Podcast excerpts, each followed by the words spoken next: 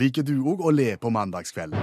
Her er Utakt ved Per Øystein Kvindesland. Og Bjørn Olav Skjæveland. Vi lover to timer med god musikk Godt selskap. og utrolig godt humør. Nå kommer vinteren, og vi har ingen sommerhatt. Men hva skal vi med sommerhatt når vinteren kommer?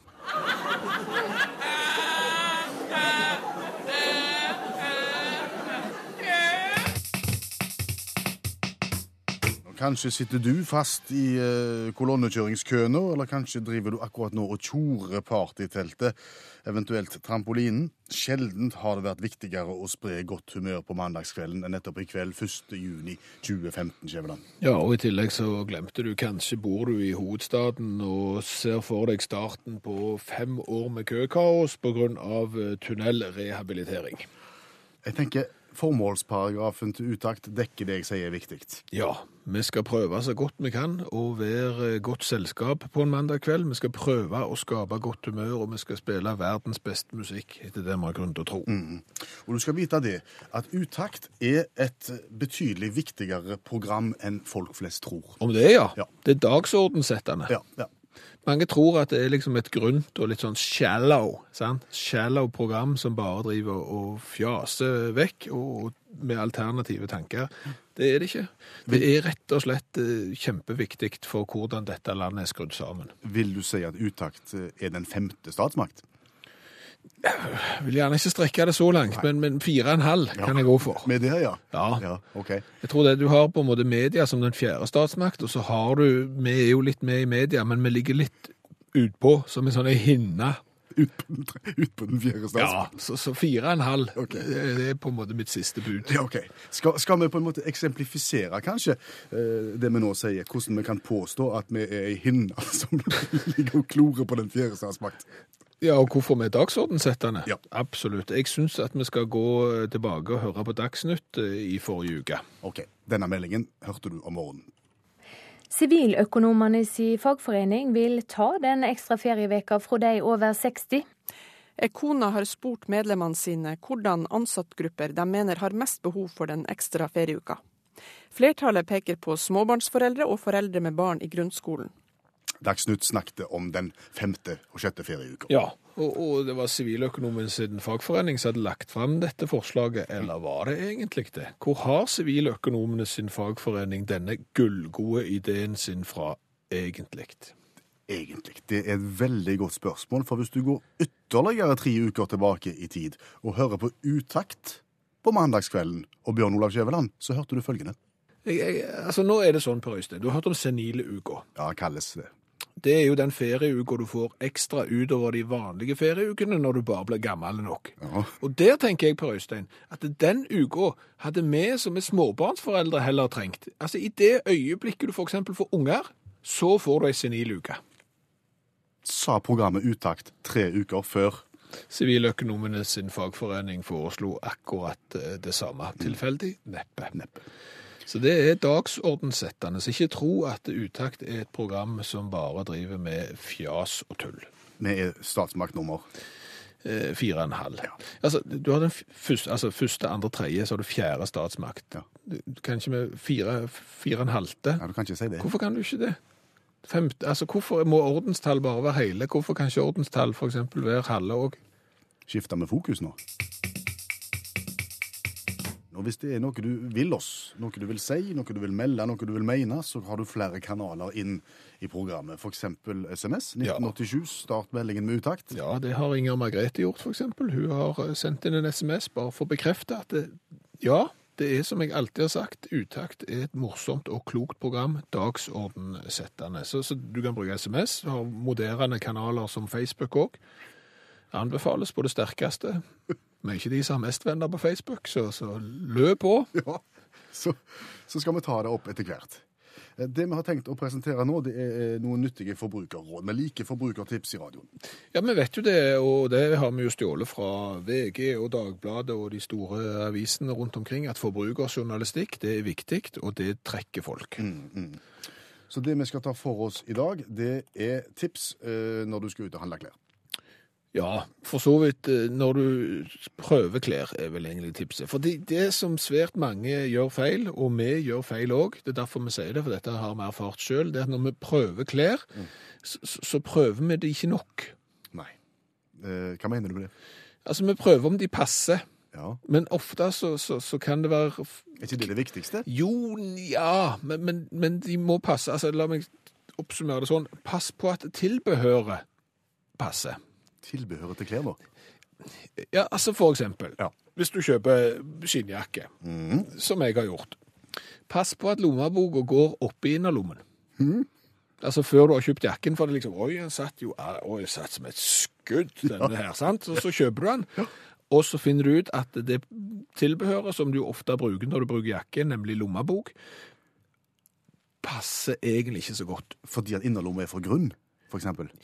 Nei, det var den brune, det var en annen jakke. Jaha. Men skinnjakken var altfor liten, sånn at hvis jeg skal ha lommeboka oppi innerlommen, så må jeg rett og slett jobbe for å få den nedi. Må bruke kraft. Ja, og, og da går den nedi. Ja.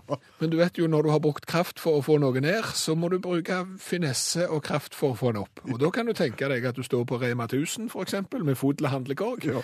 Det blir 1499 kroner, takk, og du skal dra opp lommeboka. Ja. Og fôret blir med. Og fòret blir med, lommeboka jo ikke med opp.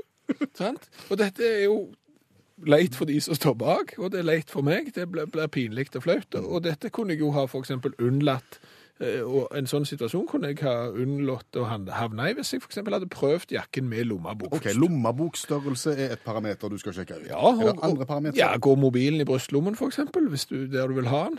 Det vil du ikke. Det vil du ikke. Altså, det, det, den brystlommen på akkurat den samme skinnjakken, som jo sitter som et skudd, men har altfor liten innerlomme til, til lommeboka, der stikker halve mobilen opp. Det vil si at når du bøyer deg inn i bilen, så detter mobilen ut. Så ser det ganske dumt ut i tillegg, skjønner du. Det ser veldig dumt ut. Så, så den jakken er på en måte ikke skudd for tilbehør. Men det sitter sitt skudd. Ja, det gjør han. Så er for eksempel bredden på smøystol. Bredden på. Bredden på smøystol. på. Smøystol. Ja, nå tror jeg det er flere enn meg som, som trenger innføring.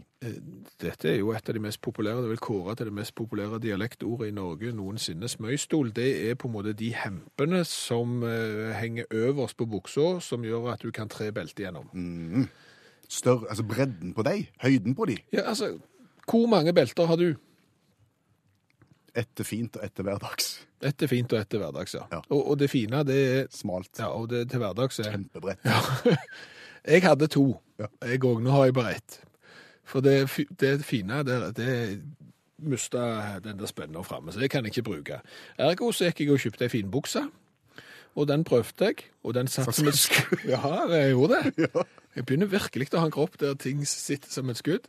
Og, og den satt alle tiders, helt til jeg kom hjem, og så var smøystolen for smale. Og så kunne jo ikke jeg bruke det eneste beltet jeg hadde. Og selv om buksa satt som et skudd, så er det jo sånn at når du skal kle deg litt fint og ha skjorte, så, så må du ha belte. Og det kunne jeg ikke ha, for jeg hadde, ikke, jeg hadde for bredt belte til smøystolen. Sånn at her burde jeg ha prøvd buksa med tilbehøret. Sant? Så du, du skjønner at det er viktig. Ja. Jeg, jeg, jeg ser jo at kanskje noen ville tenkt kan vi kjøpe en ny lommebok, kan vi kjøpe et nytt belte, men den diskusjonen tar vi kanskje ikke nå. Hva forbrukersamfunn er det? Er det bruk og kast? Nei, det er mye. kast. Ungdommen må vi spørre igjen. Ja, kjør vignett.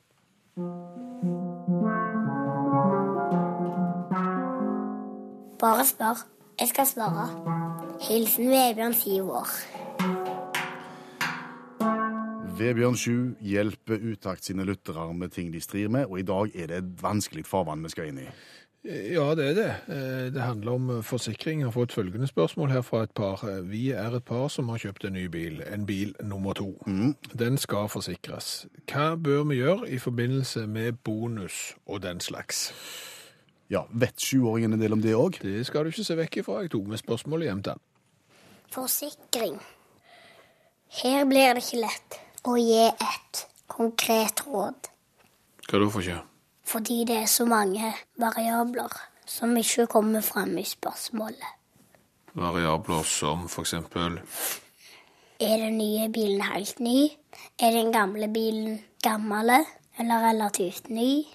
Er den store og en liten bil? Hvilke bonus har du? Og så videre og så videre og så videre og så videre. og så videre.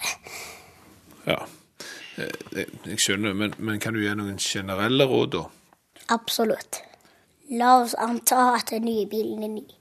Da kan det være lurt å sjekke om forhandleren har gunstige forsikringsavtaler. Svært ofte kan bilselger tilby en bedre forsikring på ny bil enn det du kan forhandle fram sjøl. Det er notert. Er det noe mer? Hvis den nye bilen er verdt mer enn den gamle, så kan det være lurt å flytte bonusen fra, den gamle bilen til den nye. Bedre å ha f.eks. 70% bonus på en ny og verdifull bil enn på den eldre, som ikke er så mye verdt. Noen firmaer tilbyr samme bonus på bil nummer to, men ikke mer enn 50 Ok, og, og hvordan virker det der bonussystemet, da? Enkelt kan du si at du får 10% bonusreduksjon på forsikringspremien for hvert år så du kjører feilfritt. Opp til 75 eller 80 Så, så det blir aldri 100 Nei, det var så vill. Er det noe mer å si? Jeg syns de som spør om råd her, bør ta en gjennomgang av alle fors forsikringene sine når du skal skaffe seg en bil til. Det er kanskje et hus som skal forsikres, kanskje ei hytte, reiseforsikring. Det kan være gunstig å samle alt på én plass. Ja, og da er trikset Det er nettsteder der du kan melde inn dine forsikringsbehov. Eller, ellers kan du ta en ringerunde til selskapene og be om et tilbud. La forsikringsselskapene kjempe om deg som kunde. Det er mye å spare. ja, Men er det ikke ganske dyrt og stress å bytte forsikringsselskap? Nei, det er alt gratis, og det er det nye forsikringsselskapet som ordner med alle overføringene for deg. Enkelt og greit. Ja, Mange gode råd. Eh, Hvor mange forsikringer har du? Hva tror du, pappa? Jeg er syv år. Ingen Kjøp, salg, gi sport eh, på internettet. Der er det ofte mye godt stoff. Ja, det er det. Nå sitter jeg og ser på en annonse her. Isbjørnskinn selges for eh, 45 000. Så kan du få deg et eh, 15 år gammelt eh, isbjørnskinn. Et varp. Et varp, to meter langt. Framstår helt og pent. Den eneste skjønnhetsfeilen på skinnet er at det er en liten skade på nesen. Åh, Men denne annonsen her, nå vet ikke jeg hva som gjengs jeg for at eh, om 45 000 er et isbjørnskinnvarp, eller om det er jeg i tror det er overkant. kjempekjøp. Ok, ikke vet jeg, men i hvert fall så avsluttes annonsen med følgende tekst. Kom gjerne med bud, eller ring for en isbjørnprat. Og isbjørnprat har jeg aldri hatt. Egentlig så visste jeg ikke at jeg hadde lyst på, på en isbjørnprat heller før jeg leste denne annonsen, men da kjente jeg plutselig at inni meg så bobla der en sånn en, et, et, som en eh, geysir av en lyst til å ha en isbjørnprat. Du har lyst til å ringe mannen, du. Ja, men så er det litt sånn, sant? Altså, hva skal jeg si? De, de, Du vet ikke helt hvordan du skal gripe an praten. nei, jeg vet ikke helt liksom hvordan, hvordan det skulle gjøres. Jeg bare lurte på om eh, Hvis jeg skulle jeg altså, hvis jeg manner meg opp nå, så hadde det vært greit hvis jeg var forberedt. Ja, på hvordan du skal. Ja. Skulle vi øvd, er det det du sier? På isbjørnprat? Og Om det hadde gått an på en måte også, og prøvd liksom hvordan det kunne vært hvis vi hadde hatt en isbjørn. vi, prøver. vi ja. Kan øve. Ja. For da tenkte jeg at jeg bare gikk ut av studio. Og Mm. der har jeg telefonen, den har jeg allerede ringt opp inn her. Sant? Så, så er jeg der ute, og så, og så kjører vi en isbjørnprat. Da bare reiser jeg meg og går sånn bort her. Så øver vi litt. Mm -hmm. Har du meg der? Er du der, ja? Ja. Ja. Og nå, nå er jeg han nå som selger isbjørnskinn, og som, som inviterer til isbjørnprat. Ja, Og du er interessert. Det, er- det er rollene. OK. Hei, det er Per Øystein. Uh, hei, Øystein Det er Bjørn Lars Jørland som ringer. Hei, du. Hei.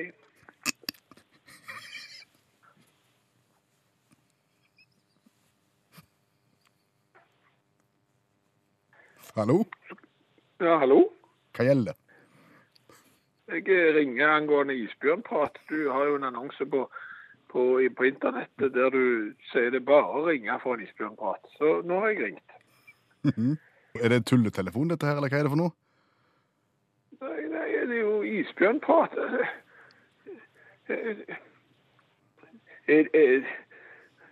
Ja, er det vel er det mye isbjørn nå? Ja, det er vel omtrent like mange som før. Kanskje litt færre. Eh, og, de er hvite. Ja, de er fortsatt hvite. Ja. Eh, hvor, vil du si at hvis du Altså, hvor, hvordan vil du si lønne til en isbjørn er? Ja.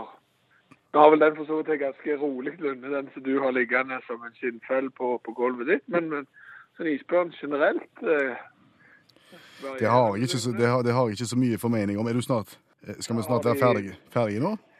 Er de, er de muntre? Er hva gjør de på fredagen, for eksempel? Isbjørner? Er det taco og gullrekka, eller? For, forsøker du hva, hva, hva ønsker du? Hva er dette for noe? Jeg ønsker isbjørnprat. Det er jo derfor jeg ringer. Det er bare å ringe for en isbjørnprat. Så det er jo bare jeg som snakker om isbjørn. Du snakker jo ingenting om isbjørn. Jeg selger isbjørnskinn, og det er derfor jeg har lagt ut den annonsen. Ja. Ja. Og er, har du lyst på en isbjørnprat, så er det bare å ringe. Hei, jeg heter Bjørn Olav, jeg har lyst på en isbjørnprat. Du tok det helt bokstavelig. Hvordan skulle du ellers ta det?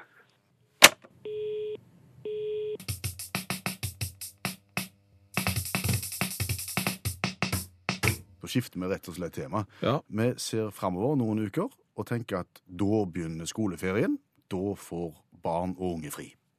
Ja, og så må de gjerne sysselsettes med ting, for foreldrene må gjerne jobbe noen uker til før de skal begynne med ferie. Og så er jo spørsmålet hva skal ungene gjøre? Jo, de kan jo eksempel gå på en eller annen padleleir, eller eh, en eller annen rideleir, eller et eller annet.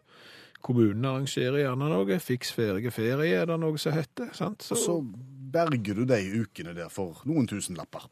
ja. Eh, Allmennlærer med to vekttall i musikk, Olav Hove, som er fast eh, spaltist i dette programmet her, han kjenner jo egentlig ikke dette problemet på kroppen, for han tar jo ferie samtidig med ungene. Avspasering. Riktig avspasering sammen med ungene. Ja. Men det han sier, det er at det finnes enormt mange sånne tilbud rundt omkring i verden som folk ikke er klar over. La oss få høre noen av de, Hove. Det finnes en haug av interessante ting, og jeg skal jo ikke ta stilling, jeg skal bare formidle hva som finnes der ute. Og eh, har du 32 600 kroner og en knall som er interessert i sprenging, så kan du sende den til Missouri University of Science and Technology på sånt såkalt dynamittcamp. ja, jeg skjønner du reagerer, for det er misvisende tittel. Det er jo eh, det er jo alle andre sprengstoff òg. Selvfølgelig, du får prøve både TNT, du får prøve plastikk, eh, såkalt C4, og du får prøve vanlig krutt og sånne ting. Så um, Hva, hva ungdommer er dette for? fra? Hva aldersgruppa da er det som skal på dynamittcamp? det er 12 til 18, eh, og det står at det er beregna for unger som er interessert i å sprenge ting. Altså samtlige guttebarn født på denne jord. Eh, enormt spekter. Eh, 32 600 er en stiv pris da for ei uke på camp, men, men du, får jo, du får jo velge litt. Du kan, du kan velge mellom foredragene lag ditt eget fyrverkeri. Eh, Dynamitt som samfunnsbygger, det er litt som trekker linjer, da. Eh, litt ullent, kan du òg si. Eh, og du kan få et sånt kurs i grundig innføring i C4, altså plastikksprengstoff, som vi ser, som jo er veldig anvendelig, spesielt for små guttunger som liker å, å sprenge.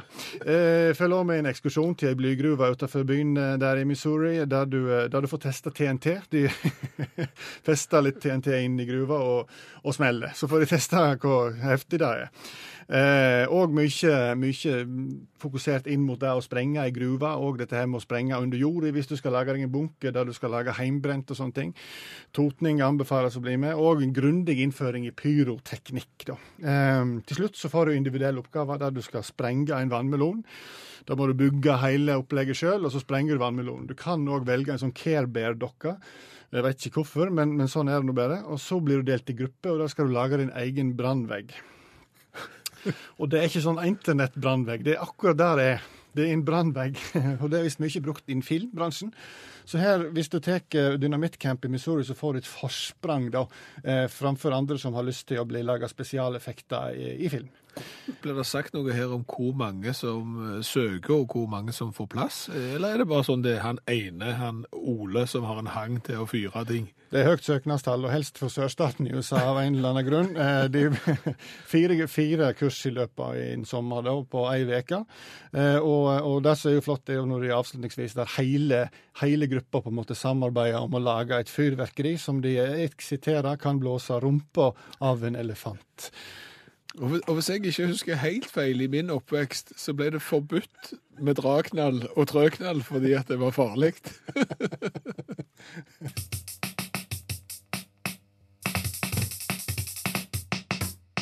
Spørsmål. Ja, hvorfor ser eh, duer så utrolig dumme ut når de går? Hvorfor duer ser så dumme ut når de går? høner òg, for så vidt. Eh, Flere fugler som ser ut som de ikke kan gå når de går. Beskriv hvordan duene går.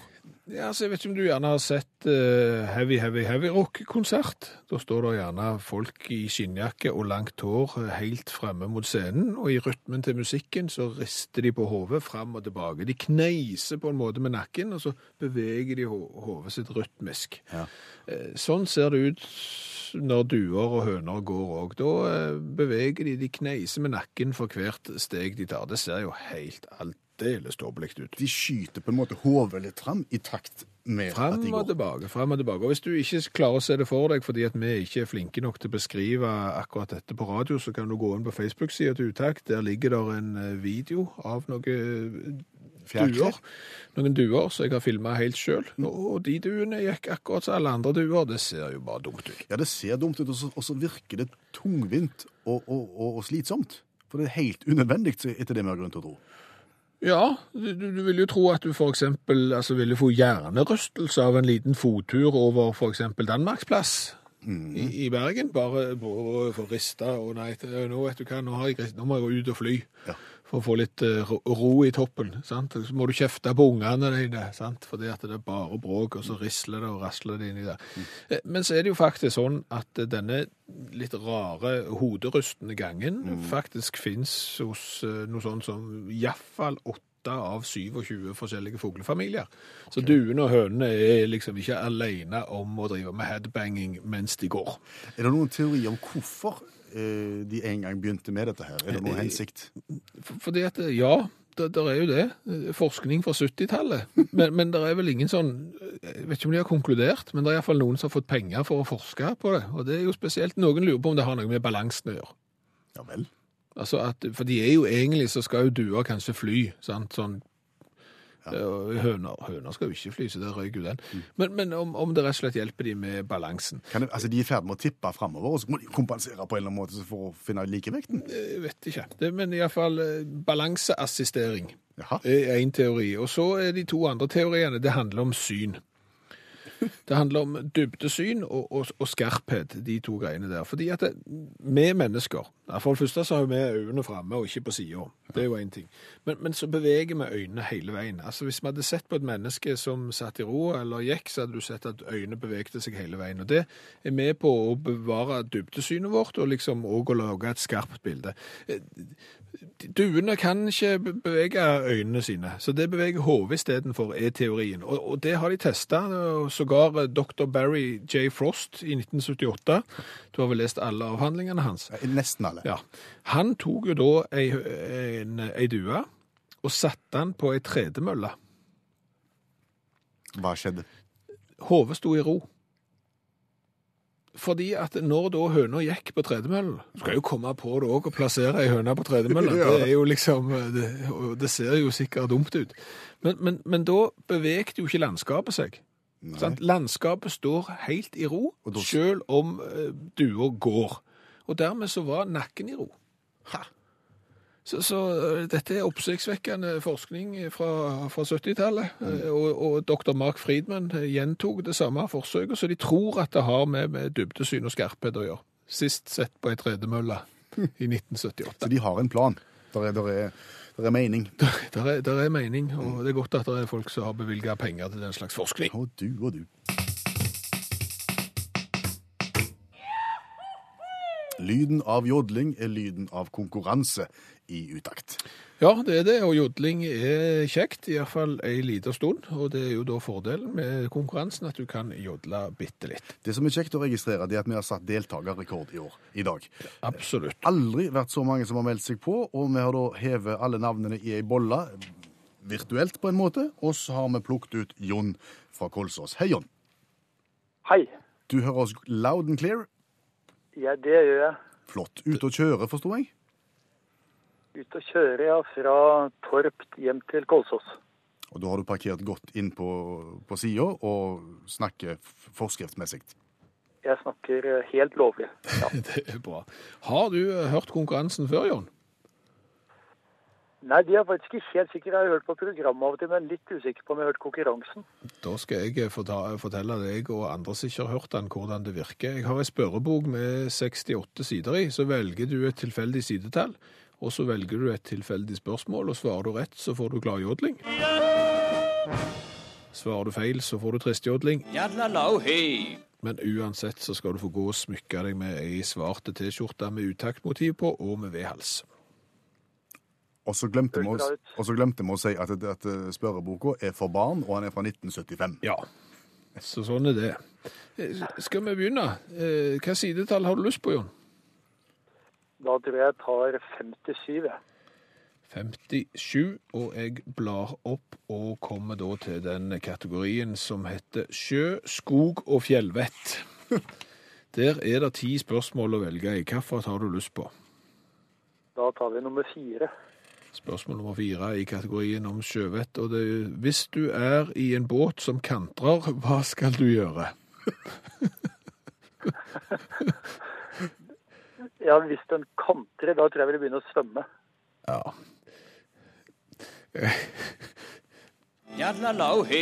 Var det feil? Ja, altså Jeg syns jo at det er en del forutsetninger som ikke kommer fram i spørsmålet her. For eksempel, tid kantrer du? Kantrer du f.eks. idet du går opp igjen ved siden av brygga, så ville jo jeg òg prøvd å komme meg i land.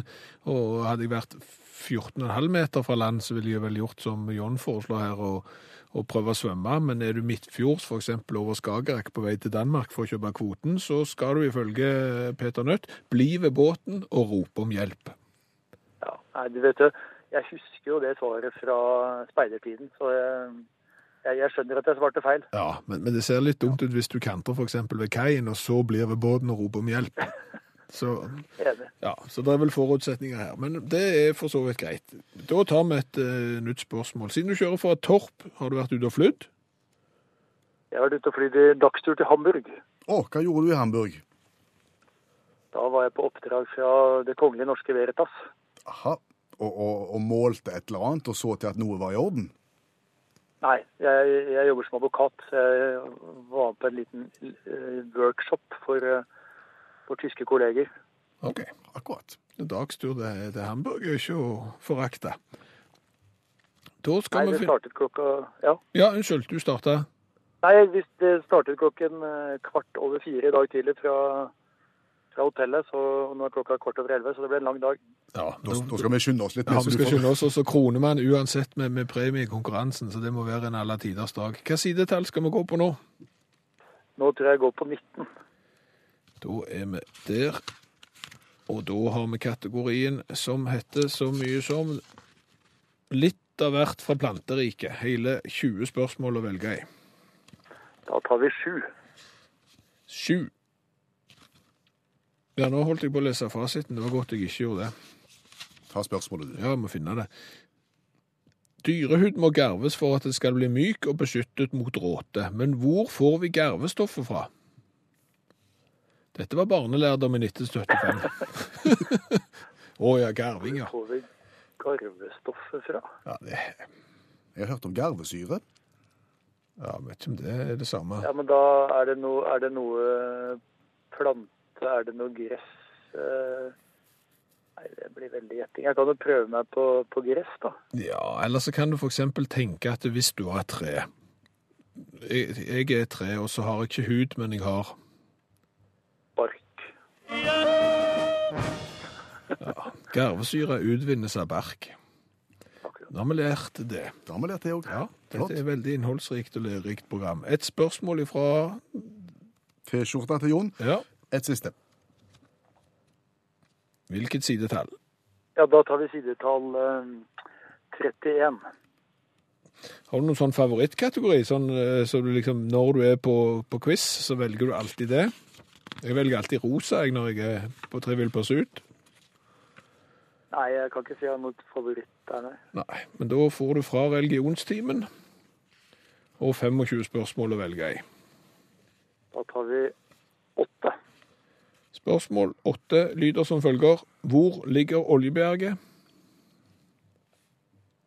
Oljeberget må jo ligge mm, Oljeberget, det må jo ligge um, Kan det være Er det utenfor Betlehem? Eh, Jeg tror jeg tar sjansen for at det ligger utenfor Jerusalem, er faktisk. Det var et godt svar. Alle tiders. Kjempe, Jon. Det var godt. Da var vi i mål, og så får du, eh, Ja. får du ta så komme deg hjem, og du skal vel tidlig opp i morgen hvis du skal komme deg på jobb i trafikken der. Ikke sant? Ja, nemlig. Nemlig. Det begynner å bli kvart over fire i morgen òg. Ja, ikke, ikke sant?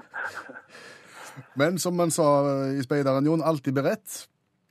Det er helt riktig. Det er riktig. Takk fordi jeg fikk være med. Kjør forsiktig. God tur videre.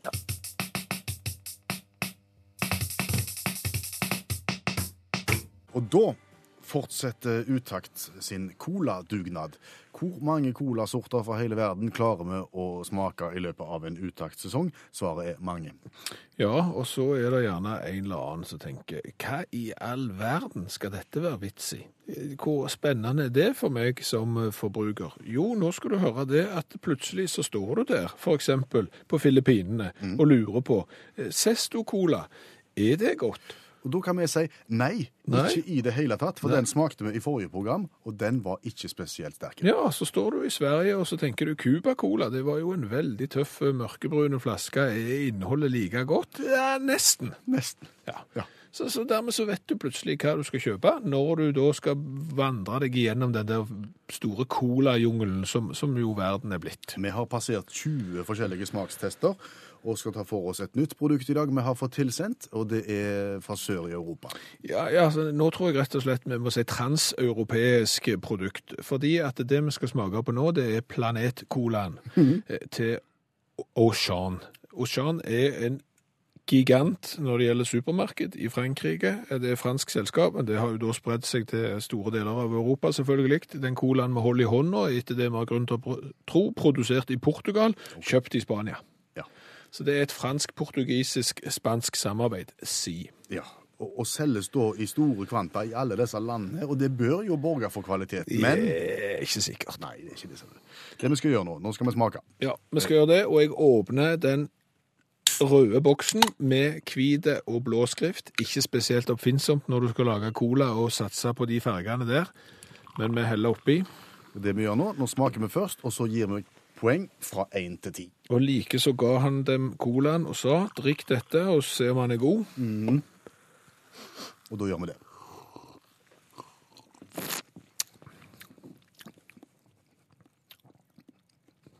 Det var særdeles ikke vondt. Det var ikke galt.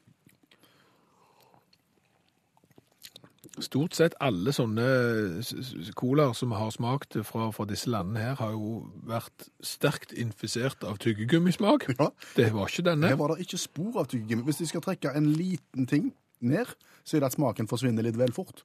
Den er der en stund, og så er den borte. Jo, da drikker du bare litt til, da, vet du. Det er jo ikke- det er verre. Nei, dette var Jeg vet du hva, det er en- det, det er en av de beste vi har smakt. Jeg tror fordi at vi, vi må ha litt å gå på her, så jeg tror, sier, jeg, jeg, tror jeg sier sju. Jeg kan være eh, villig til å være med på sju. Du går Eller nei, ja.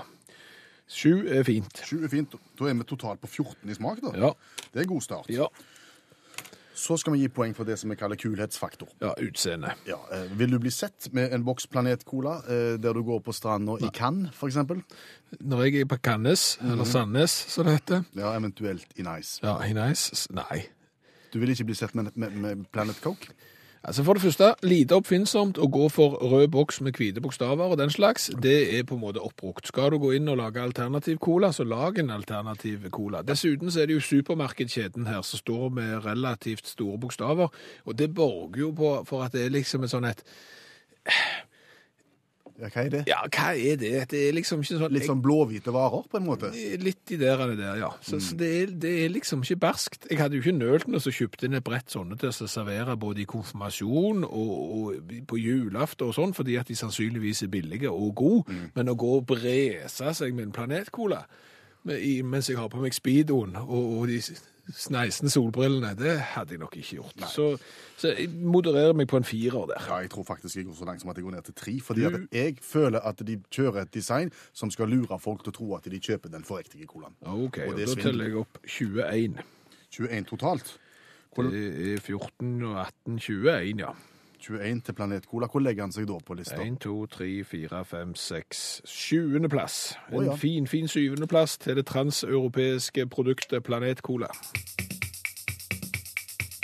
Og vi har akkurat smakt på cola. Vi har smakt på Planetcolaen, Transeuropeisk, som du sier. Ja, eh, kjeden som produserer den er fransk, produsert i Portugal, kjøpt i eh, Spania, så det her er rett og slett et eh, sydeuropeisk samarbeid, Planetcolaen. Og vi syntes han var god. Vi, vi, vi hadde ikke spesielt mye tro på han i utgangspunktet, men så var han god allikevel. Og kanskje skyldes det at vi har fulgt rådet fra Harald på Bryne, som hører utakt fast. Han har sendt oss et brev. Ja, han har kritisert oss litt eh, fordi at eh, vi sannsynligvis eh, har drukket og smakt på kaffe før vi har smakt eh, på cola, og det har vi. Til de grader. Det går en del eh, kaffe når du har eh, radiosending, eh, og, og i dag så har vi ikke gjort det. Nei, fordi at en har fortalt Harald at dersom en drikker kaffe før en drikker cola, så smaker colaen veldig bittert. Og han har altså lagt merke til at vi, vi har klagt opp på, på veldig mange av de colaene vi har prøvd, og kanskje skyldes det kaffen. Ja, det har vært en del skrale, karakterer her, men det kan jo også skyldes colaen. Men, men OK, i dag eh, så drakk vi ikke kaffe i det hele tatt, og vi har gitt planetcolaen eh, et virkelig et eh, internasjonalt løft. I dag var vi reine. Rett mot stjernene har planetcolaen gått.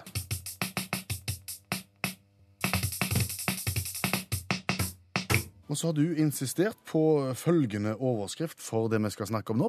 Sykkel er gørr. Sykkel er gørr, sier Skjæveland i en tid der stadig flere benker seg rundt fjernsynsapparatene og ser sykkelløp på TV, og der stadig flere trekker ut i gatene for å se store sykkelritt bli arrangert. F.eks. Tour de Fjord, som ble arrangert på Vestlandet i dagene som ligger bak. Ja, når, når du sier det sånn, så kan jeg jo moderere meg bitte litt og så si at eh, ikke nødvendigvis at sykkel er gørr på TV, men sykkel ute, det er kjempegørr. Det er så gørr. Å stå og se på sykkel ute. Ja, altså, jeg eh, har jo da eh, hatt eh, sykkelløpet Tour de Fjord gjennom lokalsamfunnet mitt. Okay. Og jeg hadde ikke tenkt å se på, men jeg var på vei ned fra fotballturnering, og ble jo da hekta i en rundkjøring der det sto en med et rødt flagg og sa nei, du kan ikke krysse her fordi at det kommer syklister. Tid kommer de? Om 20-30 minutter. Ja, men jeg skal bare over til andre sida. Nei, det går ikke. Og dermed så sto jeg i den rundkjøringa og, og venta på disse syklistene, som etter hvert kom. Var det mange som sto der? Ja, det var jo mange, ja, etter hvert så ble det jo ganske mange biler. De andre hadde jo klart å krysse før det var for seint, men det var veldig mye folk eh, langs eh, løypa. Og dermed så sto vi der ja. sammen og, og venta, og jeg filma da eh, syklistene som kom. kom. Ganske spennende. Skal du høre, skal jeg spille det klippet der de kjører forbi. Der kommer de inn i rundkjøringa, ja, og så kjører de gjennom rundkjøringa. Der er det en, en til, og der kommer det en på andre siden av rundkjøringa. Det er ganske spennende. Og der kommer motorsykkelen, og der var det slutt, ja. Det tok Tolv sekunder. det tok 12 sekunder. Tolv sekunder tar det. Ja. Altså, det er klart det tar kanskje bitte litt lengre tid når det er flere syklister i Tour de France, men allikevel, det er jo ikke mange sekundene så er de forbi. Og der har jo folk stått i timevis og venta for å se hva? Tolv sekunder med noen som sykler forbi i full, full, full fart. Og du klarer jo ikke å se hvem som er Alexander Kristoff eller Bystrøm, for de har jo sånn Katusha-drakt, og de ser jo akkurat like spinkle ut oppå den der sykkelen, og så kjører de fort forbi. Hva med folkelivet, da? Hva med å treffe naboen og stå der og drøse og henge og vente og dele spenningen sammen? Jo, det er jo kjekt. sant? Det kan du jo for eksempel gjøre på camping òg. Altså, du kan jo bare møtes langs veien og egentlig grille. eh, ta deg en pils, eller altså, Du kan jo egentlig gjenskape akkurat det samme uten sykkel. Sykkelen virker jo bare som en unnskyldning for å komme seg ut og se. Ja, greit på, på TV når du kan følge dem fra A til B. Her, her følger du jo fra A til to sekunder over A. Det er jo helt meningsløst. Jeg vet det er en brannfakkel, og jeg vet at jeg får hele Sykkel-Norge på meg, men, men nå er det der ute, og jeg vil lage en sånn støtteaksjon for oss som syns at å se sykkel ute live langs Langeneveien er kjempegøy.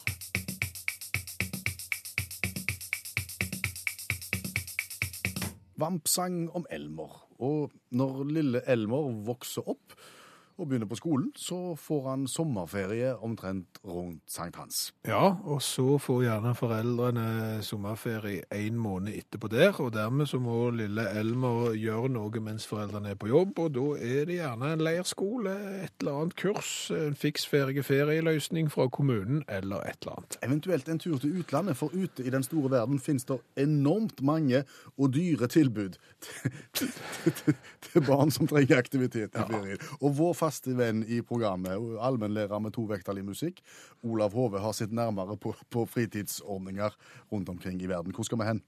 Jeg tror vi reiser til Sør-Afrika, og, og den eh, entreprenøren Neville Julian som hadde lyst til å tjene litt penger, og, og tenkte som så, hva har jeg å rutte med her nede i Sør-Afrika, rett ved Krüger nasjonalpark? Jo, her er det jo mye dyr, så jeg kan arrangere en camp for unger som liker ville dyr.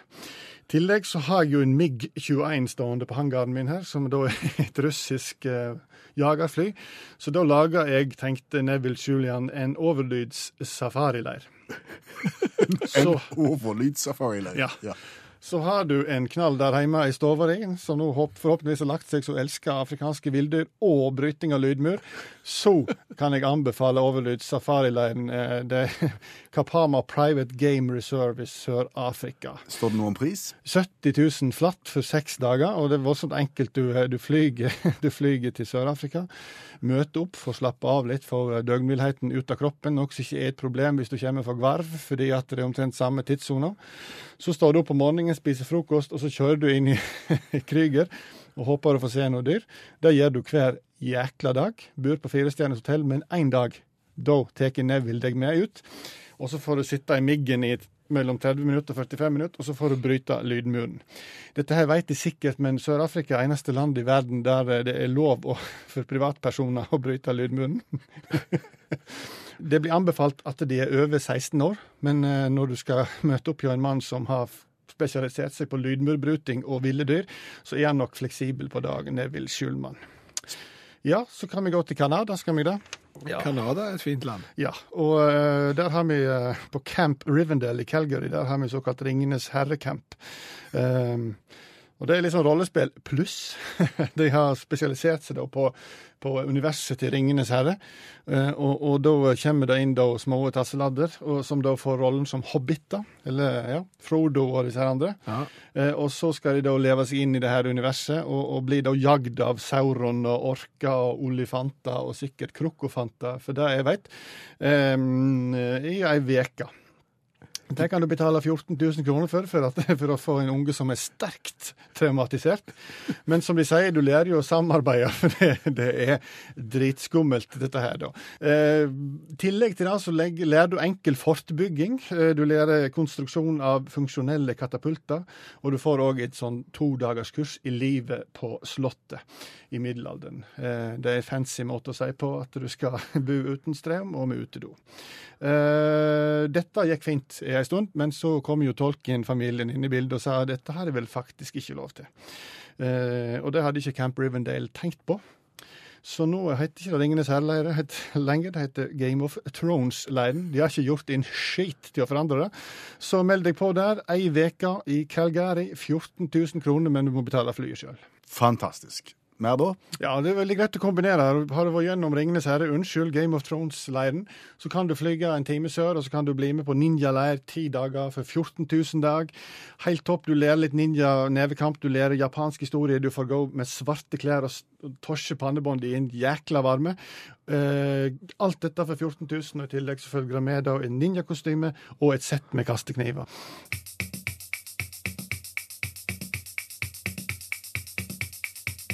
Mot slutten av programmet, Skjæveland, hvordan var formålsparagrafen til utakt?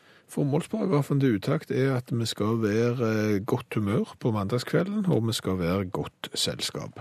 I etterpåklokskapens tegn har vi klart det. Den eksakte vitenskapen etterpåklokskap. Eh, jeg tror det. Jeg følte at det har vært en del godt humør, og forhåpentligvis godt selskap òg. Og hvis du ikke har klart å holde deg våken og sovne, så har, du, så har vi på en måte vært din lille virtuelle armkrok på radioen, så du kan sovne i. Det, det er godt å tenke på det.